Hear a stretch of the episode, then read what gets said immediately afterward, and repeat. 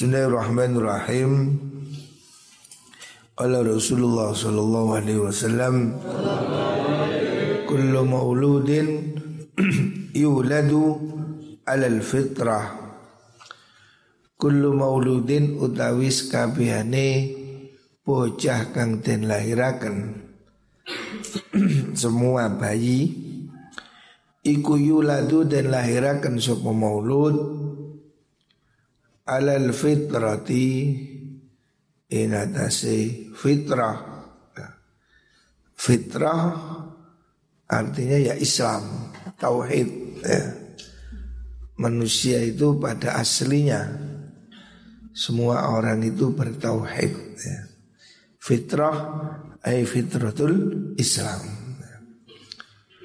jadi orang-orang itu aslinya lahir itu dalam keadaan fitrah bersih ya. Wa akim wajhaka lid-dini hanifa fitratallah alladzi fataran nas 'alaiha. Jadi aslinya fitrah manusia itu bersih, hanif. ya Islam. Hatta riba sehingga meruakan anhu sangking munkunu. Maulud apa lisanuhu lisane al maulud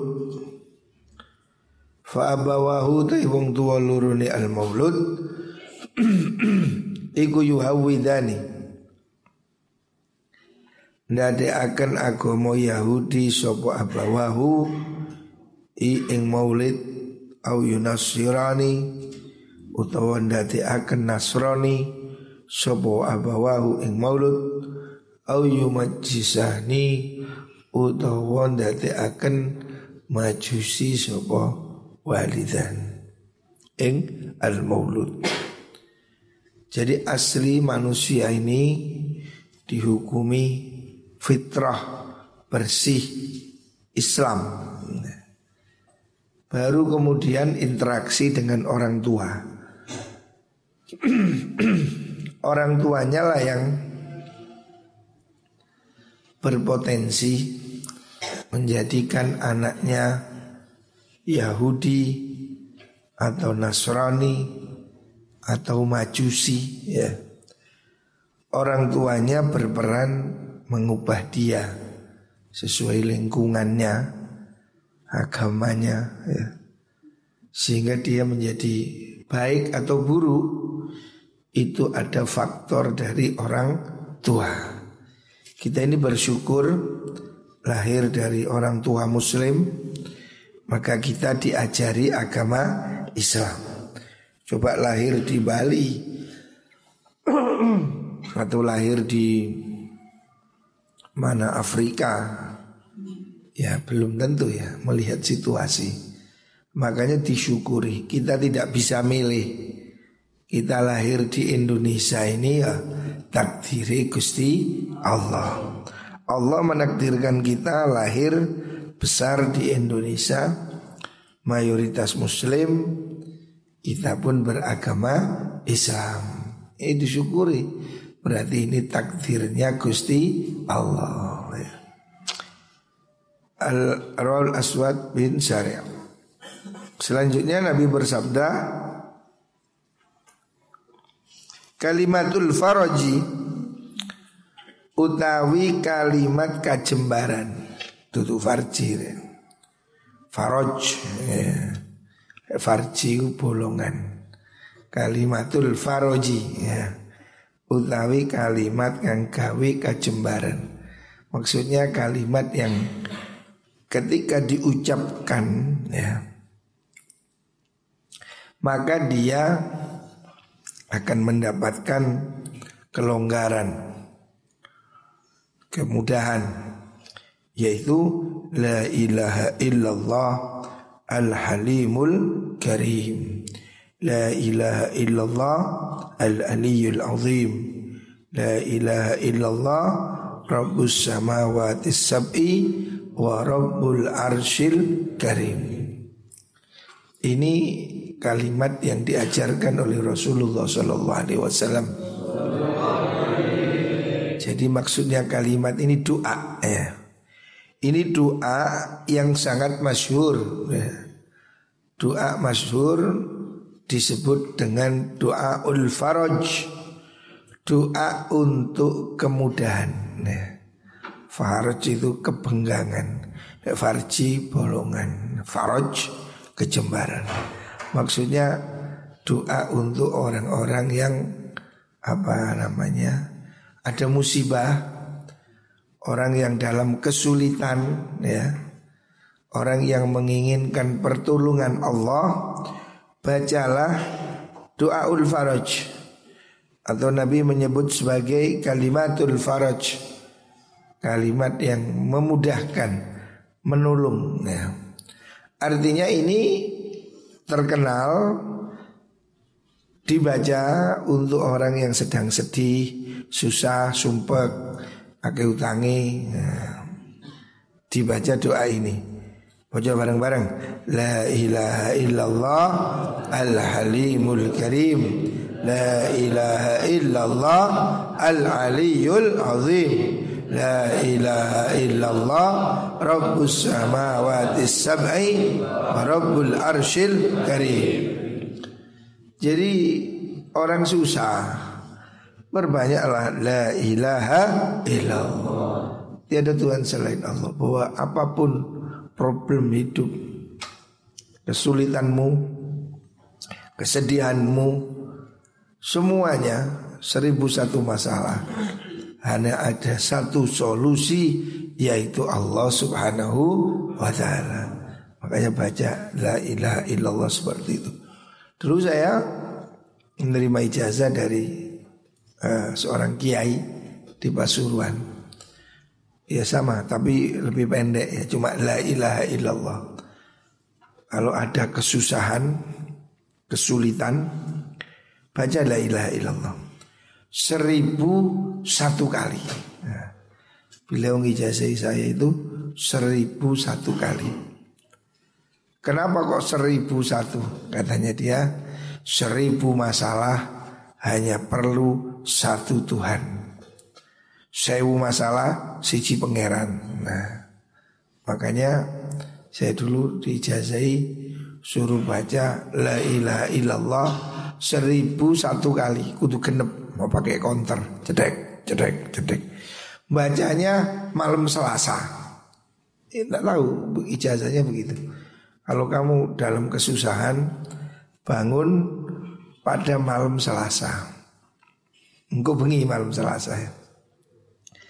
Kamu sakit, kamu apa sedih, kamu ada masalah, bangun.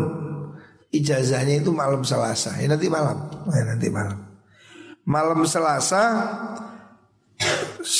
Malam hari tengah malam bangun Sholat sunnah dua rakaat Terus bacalah La ilaha illallah Seribu satu kali Jadi rahasianya katanya Pokoknya kamu pasrah pada Allah Seribu masalah Satu Gusti Allah Seribu problem Satu Gusti Allah Artinya semua masalah yang ada di dunia ini tidak ada yang lari dari kehendak Gusti Allah. Makanya kita disuruh pasrah yang total, pasrah yang temenanan. Pasrah sungguh-sungguh, ya Allah, saya serahkan semua kepadamu. Saya minta pertolongan. Saya minta bimbingan. Ya, sudah serahkan pada Allah. Ojo melok ngatur. Ojo ya Allah kudu ngene lho ya. Aku tapi kudu ngene iku jenenge ngatur. Metuwek. Hmm, pangeran mbok atur. Pak serahkan nang Gusti Allah. Ya Allah, Allah tahu solusinya. Kalau saya sakit, Allah tahu obatnya. Ya. Serahkan pada Allah. La ilaha illallah seribu satu kali. Sudah. Bismillah. Tawasulnya pada semua guru, bareng orang tua itu insya Allah dalam tempo berapa kali ini beres. Saya pernah mengalami problem yang berat. Ya, saya pernah waktu pertama pulang dari pondok. Ada problem yang luar biasa, sulit diurai. Tetapi Allah memudahkan. Allah membuat jalan-jalannya. Yaitu di luar kemampuan kita. Allah yang beri jalannya. Saya tidak tahu jalannya itu tiba-tiba terjadi.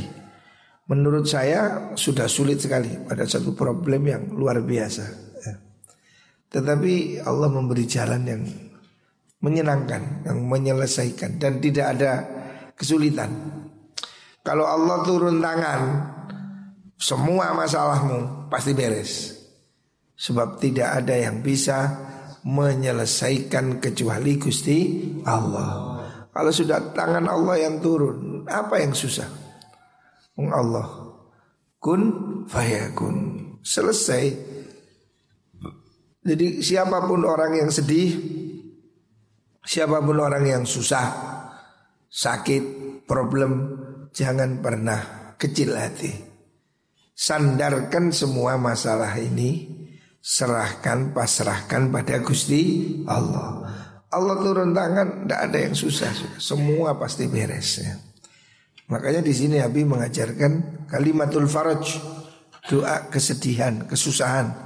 La ilaha illallah al-halimul karim. La ilaha illallah al-aliyul azim. La ilaha illallah rabbus samawati sab'i wa rabbul arsyil karim. Ini doa untuk menghilangkan kesusahan. Ya.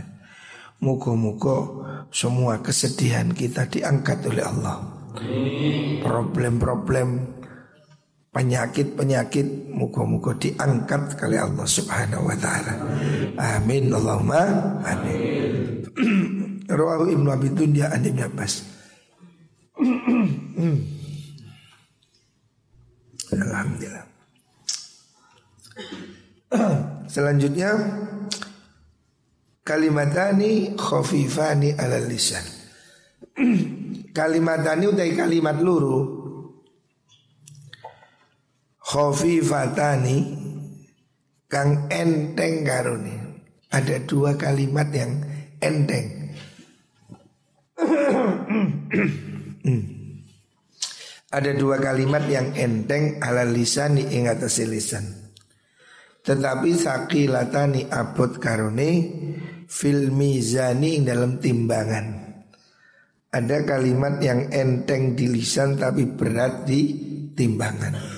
Artinya timbangan amalnya itu berat ya.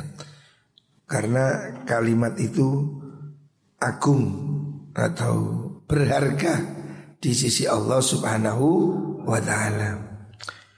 Habibatani turkang demeni karone. Maksudnya dua kalimat ini disukai dan demeni ila rahmani maring Gusti Allah kang moho rahman Gusti Allah kang maha belas kasih ya Sebetulnya semua zikir itu ya dicintai oleh Allah ya Semua zikir itu bagus Tetapi ini lebih disukai Lebih dicintai apa itu? Iku subhanallah wa bihamdi subhanallahil azim ya. Ini kalimat yang enteng dua kalimat. Enteng mudah diucapkan, gak bayar, ya. Gak sulit, tidak berat, tapi pahalanya besar. Yaitu Subhanallah wa bihamdi Subhanallah azim. Ini enteng, harusnya enteng. Artinya setiap saat kita bisa mengucapkan tanpa perlu kesulitan. Hiji moco surat kahfi kan repot panjang. Ini pendek sekali. Dua kalimat ini timbangannya berat. Artinya nilainya itu besar dan disukai oleh Allah. Makanya perbanyak ucapan ini yaitu subhanallah wa bihamdi. Ai usabbihu Maca tasbih ingsun subhanallah kan mau suci Allah wa bihamdi muji Allah. Subhanallah muji Allah al azim kang agung. Hadis rawahu Syekhan. Hadis ini diriwayatkan oleh Imam Bukhari dan Muslim. Ini hadis sahih ya. Hadis sahih Siapa yang mengucapkan kalimat ini enteng mudah tapi disukai oleh Gusti Allah. Hadis riwayat Bukhari Muslim. Selanjutnya kulu at-tamra ala riq fa innahu yaqtulud dud rawahud dailami. Rasulullah sallallahu alaihi wasallam mengajarkan ya, cara makan kurma. Ini kan Nabi ini segala aspek ya. Ini kan mama aspek kesehatan. Kulu mangano sira kabeh atamro ing kurma ala riki ingat nasi tingkah luwe. Jadi kalau kamu lapar pagi sarapan kurma. Sama dengan kalau puasa buka sarapan kurma. Sebab itu menguatkan nek. Kurma ini kan mengandung Ternyata hari ini diteliti ya banyak khasiatnya memang. Kurma ini termasuk sumber energi. Jadi orang puasa lemes makan kurma bisa kuat. Orang nggak makan nasi makan kurma kuat. Orang Arab zaman dahulu makan kurma berhari-hari. Bahkan keluarga Rasulullah Shallallahu Alaihi Wasallam, keluarga Nabi itu kata Sayyidah Aisyah tidak menyalakan api setiap hari. Artinya keluarga Nabi itu tidak masak setiap hari. Kita kan setiap hari masak, mengani sego. Nabi itu tidak masak setiap hari. Atau karena memang nggak ada yang dimasak ya. Rumah tangga Nabi kan sederhana. Sering kata Sayyidah Aisyah, kita ini cuma makan al-aswadain. Dua hal hitam. Apa itu? Kurma dan air. Jadi rumah tangga Nabi itu berhari-hari makannya cuma kurma dan air. Artinya kurma ini sudah mencukupi energi. Kalau orang apa makan kurma itu sudah sehat ya. Wayak tululan mateni opo mengkuno mengkuno atamar aduda ing cacing. Ya, membunuh cacing membunuh apa ya? Ya kalau cara hari ini virus kira-kira gitu ya.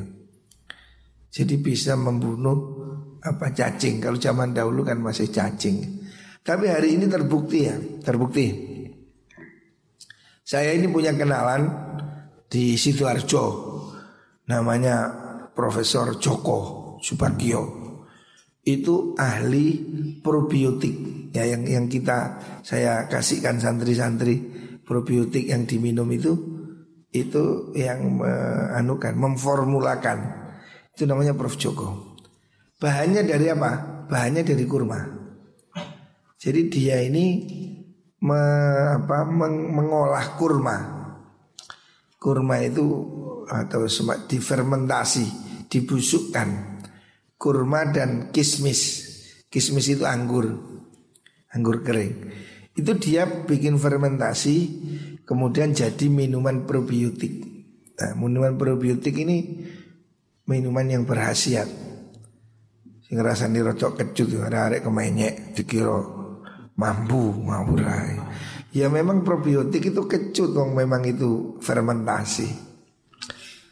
Lah itu aslinya bahan dasarnya itu kurma. Kurma, anggur, buah-buahan itu difermentasi kemudian jadi minuman probiotiknya. Dan profesornya itu bilang sama saya bahwa dia itu diilhami oleh hadis Nabi ini tentang khasiat kurma itu. Kan pernah ada kisah sahabat yang apa Abdurrahman bin Auf yang punya kurma busuk dibeli untuk obat oleh orang Yaman. Nah memang kurma busuk itu ya itu kurma fermentasi itu. Hari ini ya fermentasi itu ya dibusukkan itu. Sehingga kemudian keluar khasiatnya, nah, bakterinya. Nah itu bakteri baik. Nah itu bisa mengalahkan bakteri yang jahat. Sehingga tubuh menjadi imun. Ya. Sudah banyak orang yang kena apa virus-virus hari ini kan usung virus ini, virus kopat covid ini. Ini banyak yang judul itu pakai probiotik gitu. Ya karena itu salah satu bahannya itu kurma. Nah kurma ini memang ada khasiatnya itu, ya, itu probiotiknya. Makanya Rasulullah Shallallahu Alaihi Wasallam sudah mengatakan di sini, fa innahu tulut dud. Kurma itu bisa membunuh cacing kalau bahasa dulu. Hari ini ya virus itu. Loh ini kan yang Nabi sudah 14 abad yang dulu ya sudah memformulakan kurma bisa membunuh cacing. Nah, kalau hari ini ya bakteri. Dan ini terbukti hari ini yang dipakai minuman probiotik ya itu yang paling bagus kurma dan anggur. Itu teman saya itu yang Prof Joko di sidoarjo ini. Ini banyak tamunya kiai-kiai orang sakit ini sakit itu ya cuma dikasih ini probiotik itu. Jadi dia ini herbal pengobatan herbal. Jadi nggak suka pil-pil itu. Jamun ini. Nah, saya tanya bahannya apa? Bahannya ya salah satunya itu kurma. Maka benarlah apa yang dikatakan Rasulullah Sallallahu Alaihi Wasallam bahwa Nabi sudah mengatakan kurma itu bisa membunuh cacing kalau dimakan dalam keadaan lapar. Sama minuman probiotik itu juga diminum waktu lapar, waktu sebelum makan. Dan itu khasiatnya ya hari ini sudah tampak ya, betapa luar biasa dawuhnya kanjeng Nabi. Ruhu Dailami an Ibn Abbas. Selanjutnya Nabi bersabda, Kullu syarobin askaro fahuwa haram Kullu syarobin utawis kabiani minuman. Kang mabuakan opo syarob Semua yang memabukkan Itu Fahuwa utai mengkuno syarab Iku haramun haram. Semua minuman memabukkan itu haram. Artinya mereknya apa pun ya Terbuat dari bahan apa pun Itu haram. Nggak boleh ya. Semua yang memabukkan. Kalau tidak memabukkan tidak. Seperti badek. Kalau belum mabukkan ya nggak haram. Tapi kalau sudah difermentasi menjadi Arak Menjadi apa itu? Ciu. Wah, Ciu. Jenenge cara wong barat ciu. Botolnya dibuka ciu. Botolnya kan menguap alkohol Lah yang begitu itu haram ya. Jangan coba-coba ya. Jangan coba-coba minuman itu. Karena itu haram. Dan itu merusak akal. Orang yang minum miras itu rusak apa? Lambungnya ini rusak ya. lambungnya rusak livernya rusak. Itu orang itu bunuh diri. Orang minum minuman keras itu membunuh dirinya sendiri. Apalagi yang keras-keras. Apalagi hari ini orang tambah gendeng. Manusia hari ini tambah gendeng sinting miring. Minuman keras ini sekarang bisa dibikin dari obat batuk. Komek saya waktu kapan hari diundang pengajian ke Bontang. Di Bontang di Kutai. Ya, di Kutai oh ya di Bontang itu saya pagi-pagi jalan di ini jalan pagi-pagi di apa jalan sepi gitu. Waduh di situ itu banyak wadai komik. Wadai komik kerdus-kerdus komik wake tapi kira sopo waktu kayak gini wong ngombe komik sakake kayak ternyata itu wong orang minum. Jadi komik itu dicampur opo ngono? Dibuat minum bisa fly bisa apa mabuk jadi wong tambah gendeng mabuk mbek komik. Ono mana sih mbek autan. Obat nyamuk yo. Yo kok gak mate jadi autan dicampur apa Bu wong gendengan mikirnya gak sehat. Wong autan itu lu racun. Coba kamu pakai autan. Nyamuk aja gak berani nyokot. Ini kan racun. Nih Diminum. Wong gendeng nih wis. Oplosan jadi oplosan nih Itu kan orang bunuh diri itu. Sprite dicampur Buat trek campur pokoknya itu. Orang gendeng itu laupo itu itu kan bahaya itu kan merusak saraf. Ujung-ujungnya pasti akan membuat kerusakan permanen itu. otaknya. Iso iso stresin sinting. Orang ini macam-macam sekarang ini. Minuman ini bisa dibuat dari pil-pil ini pil itu harusnya untuk obat malah dipakai untuk mabuk. Ya. Orang mana sih gaya lem, lem itu, lem gak kena dikai apa mel, melur apa, melamir gitu, lem raja wali. Iku disedot pada lambune yo, masya Allah, lem ya, kayak orang gendengan. Ternyata ada yang mabuk pakai lem itu, lem disedot. Yo mabuk ngajin lem itu bahan bahan kimia. Yo jadi uangnya kepingin gendeng kan, lem disedot. Suwe-suwe telek diuntal sih. Tambah gendeng. Kula ono sing jajal telek dikelintir kemarin. Iku wong tambah gendeng. Coba wis ndak ndak waras itu. Bayangkan lem disedot. Itu botrek campur spray. Ikan melukai dirinya sendiri, ngerusak dirinya sendiri.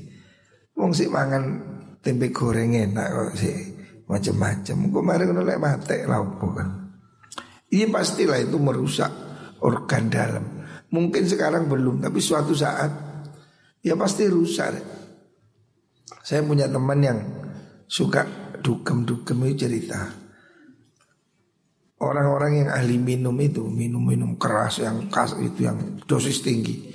Itu rata-rata usianya muda mati sudah. Karena Ya remak re, organ jeruan, jeruannya ini remak Hancur Livernya Lambungnya Itu pasti sudah Wong tujuh Ombenane menungso Spiritus Spiritus itu kan Kayak mesin diesel ya Diumbe ya Ya remuk ya, Makanya Jangan sekali-kali ya. Jangan ikut-ikutan Narkoba nih Miras ya. Rawahul Bukhari Hadis sahih. Selanjutnya kullukum ra'in. Kullukum tes kabeh sira kabeh. Iku ra'in kang ngerekso Nabi mengibaratkan pemimpin itu sebagai penggembala. Ra'in ini wong angon. Wong angon Orang yang melindungi Wa kullukum tes kabeh sira kabeh iku mas'ulun kang den takoni akan dimintai pertanggungjawaban an ro'iyatihi saking pengreksone ra'in niku. Fal imamu mengkote pemimpin iku ra'in wong kang ngrekso. Ra'in aslinya itu penggembala. Orang yang menggembala, menggembala itu maksudnya ya bertanggung jawab, membina, membimbing. Wa wa mengkono imam iku mas'ulun kang bakal tentakoni an ra'iyatihi saking perkara kang den kuasani imam. Pemimpin negara ya tanggung jawab pada semua ini besok akan dipertanyakan oleh Allah. Kepala desa ya sak desa tanggungan dia akan dimintai pertanggungjawaban oleh Gusti Allah. Warajulu te wong lanang iku ra'in kang mimpin fi ahli in dalam keluarga ni rajul wa wa rajul iku mas'ulun bakal den takoni dimintai pertanggungjawaban an ra'iyatihi saking perkara kang den reksa rajul orang yang dalam perlindungan dia keluarga. Wal mar'atu te wong wadon iku ra'iyatun wadon kang reksa fi baiti zaujiha ing dalem omahe bojone mar'ah. Wa ya mar'ah. Iku mas'ulatun kang den takoni. Dimintai pertanggungjawaban an ra'iyatiha saking urusane uh, napa niku? Uh, mar'ah niku. Perkara kang den reksa perkara yang diserahkan dia. Wal khatimu tai jurulaten kuli apa pembantu? Iku ra'in kang ngrekso fi mali sayyidi ing dalem bondone gustine khadim. Wa wa khadim iku mas'ulun bakal den takoni an ra'iyatihi saking perkara kang den reksa mengkono khadim. Pegawai itu harus menjaga. Kamu kalau diangkat jadi pegawai petugas harus tanggung jawab jangan korupsi. Wal ibnu utawi anak iku ra'in ngrekso fi mali abihi dalam pondone bapak ibnu wa wa te ibnu iku mas'ulun ten takoni an ra'iyatihi saking perkara kang ten kuasani mengkono ibnun. Kamu hari ini juga orang yang tanggung jawab. Sangumu kok kaya apa? Ojo mbok kaya tuku rokok dosa. Fakulukum tes kabeh sira kabeh iku ra'in kang ngrekso wa kullukum tes kabeh sira kabeh iku mas'ulun bakal den takoni an ra'iyati saking perkara kang den kuasani mengkono kulun. Jadi semua dari kita ini harus bertanggung jawab. Semua dari kita ini akan dimintai pertanggungjawaban oleh Gusti Allah besar kecil. Presiden tanggung jawabnya berat, bupati sak kabupaten, desa sak desa. Kepala rumah tangga, duwe bojo, tanggung jawab nang bojo, tanggung jawab anakmu, ya. Kamu akan ditanyai oleh Allah, kenapa anakmu gak ngaji? Apa bojomu kok meladus? Oh, kamu akan ditanyai. Kamu harus jaga istrimu, jaga anakmu. Istri juga harus jaga harta suami. Anak juga harus jaga harta bapak. Makanya kamu dikirim ke mondok, ojo foya-foya. Terus jonang warnet dosa. Itu namanya mengkhianati orang tua. Kamu dikirim oleh bapakmu buat mondok, buat ngaji. Kok kon dikirim duit kok gawe nang warnet, kok gawe nang apa mana? Karambol apa? Karaoke, oh dosa. Jelas itu namanya berkhianat pada orang tua. Semua akan dimintai pertanggungjawaban oleh Allah. Makanya harus hati-hati. Kape masih kiai ditanggung jawab. Makanya kita wajib ngawasi golei santri beling dihukum karena kita tanggung jawab. Sebab kalau kita diam, mereka sembahyang di Jarno, gak ngaji di Jarno Kita akan diminta tanggung jawab oleh Allah Kamu dulu di pasrai santri kok Jarno ya. nah, Ini berat Makanya semuanya harus hati-hati Ayo kita semua berusaha menjaga amanah dari Gusti Allah. Muka-muka semua diberi pertolongan oleh Allah Subhanahu wa taala. Barakatil Fatihah.